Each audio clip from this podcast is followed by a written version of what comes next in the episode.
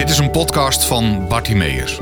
In deze podcast praat Marion van der Valk, maatschappelijk werker bij Bartimeus, met Willemijn Kloosterman. Wie zijn beperkingen kent, heeft ongekende mogelijkheden. Marion praat met Willemijn over het ouderschap met een visuele beperking.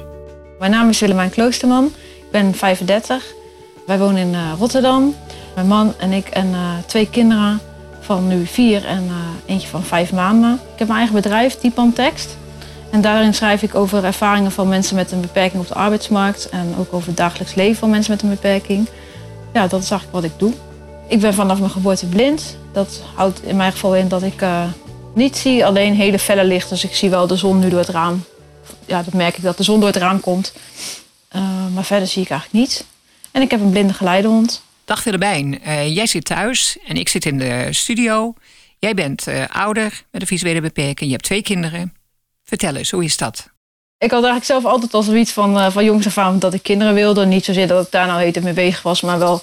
Ja, dat, ik heb nooit gedacht van dat dat niet zou kunnen of zo. Voor mij was dat gewoon als ik uh, ooit een man tegenkom.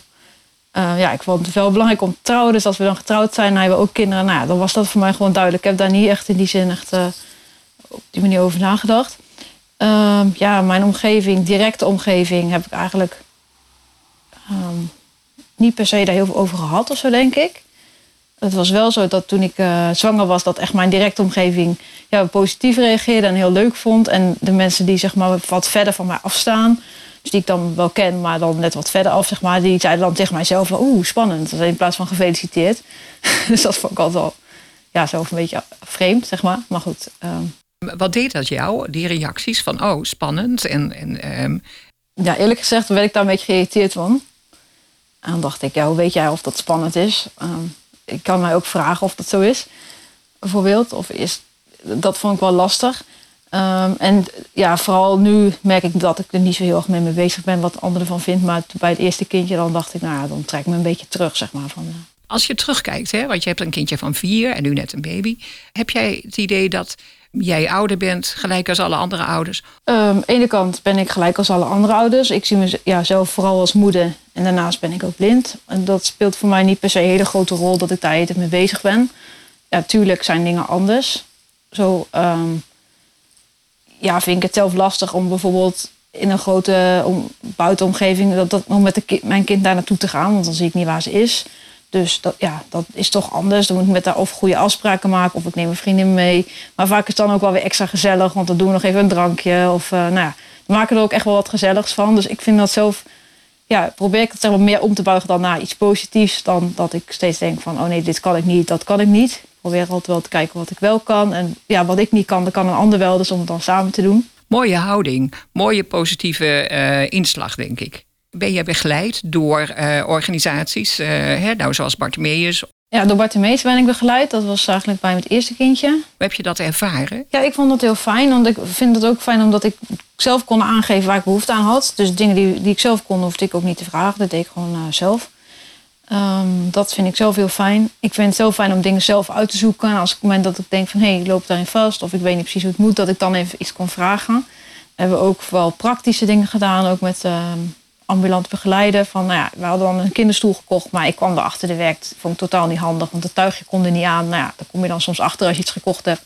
Maar ja, wat is er dan op de markt? En natuurlijk kan je met uh, andere mensen ook wel gaan kijken wat op de markt is. Maar ten eerste moeten ze er ook maar net even tijd uh, uh, voor maken. En ten tweede is het ook wel wat anders, denk ik, als je het niet ziet. Want ik kan niet even een folder gaan bladeren en kijken wat is er allemaal. Dat, dat kost dan veel meer tijd. En plus dat je ook bepaalde dingen ja, mist, overzicht mist. Dus ik vond het wel nou, heel fijn om dat uh, ja, samen een stukje uit te zoeken.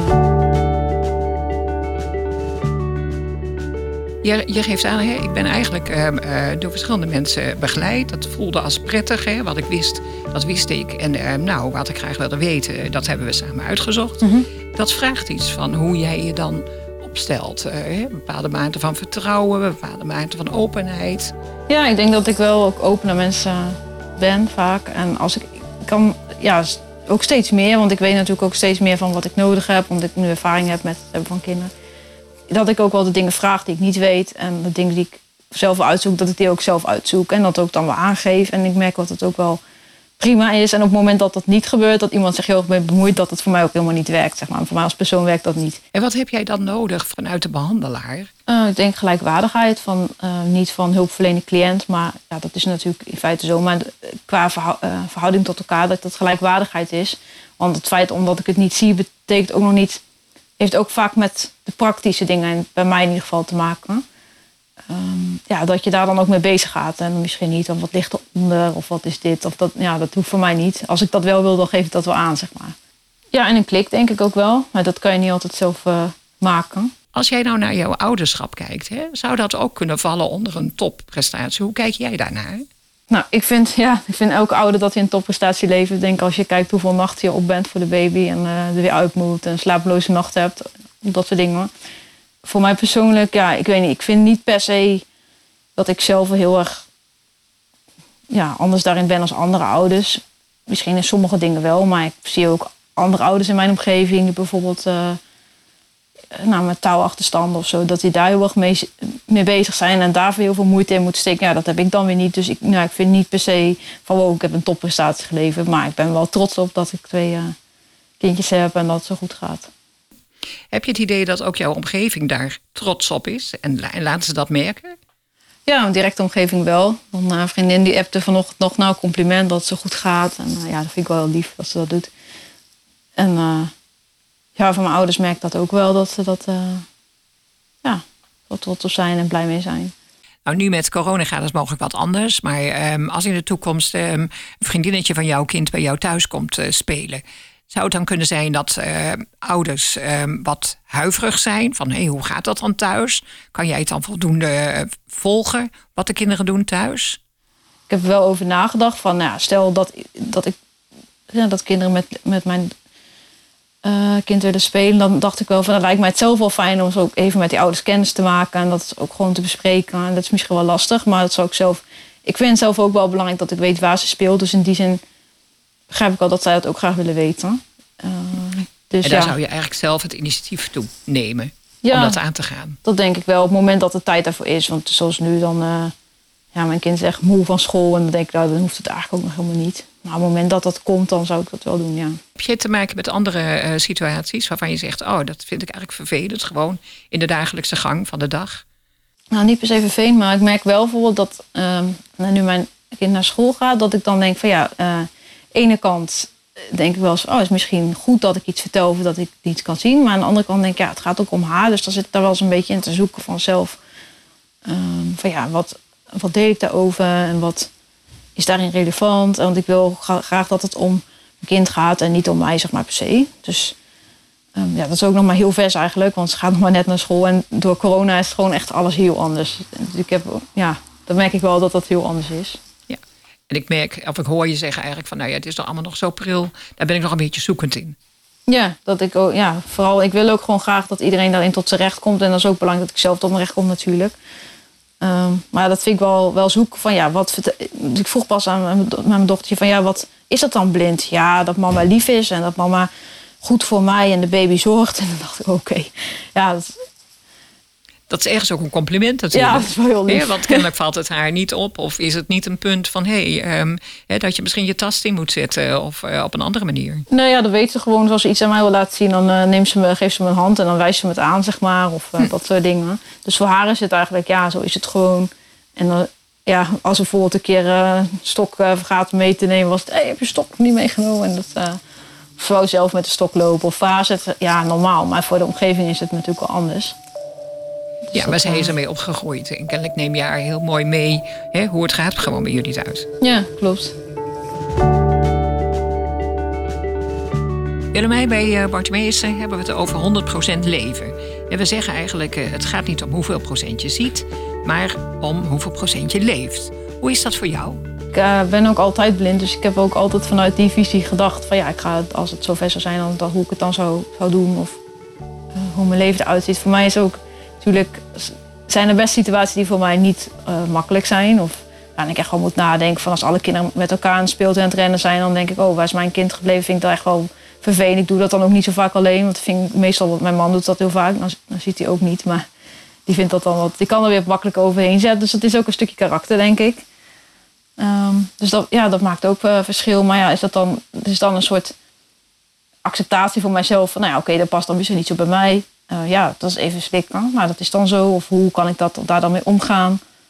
Ja, dan leef ik ook 100%, maar wel met. Uh, ja, ik heb eigenlijk in mijn werk dat ik zelf doe, heb ik eigenlijk een, een slogan of een motto. Dat is van wie zijn beperkingen kent, heeft ongekende mogelijkheden. Mooi. Als jij nou, tips zou kunnen geven, hè? tips aan nou, bijvoorbeeld de mensen om je heen. Wat zouden dan die tips zijn? Ja, wees gewoon eerlijk, zeg maar, naar elkaar toe. Dat vind ik heel belangrijk en open. En als je vragen hebt, stel ze gewoon.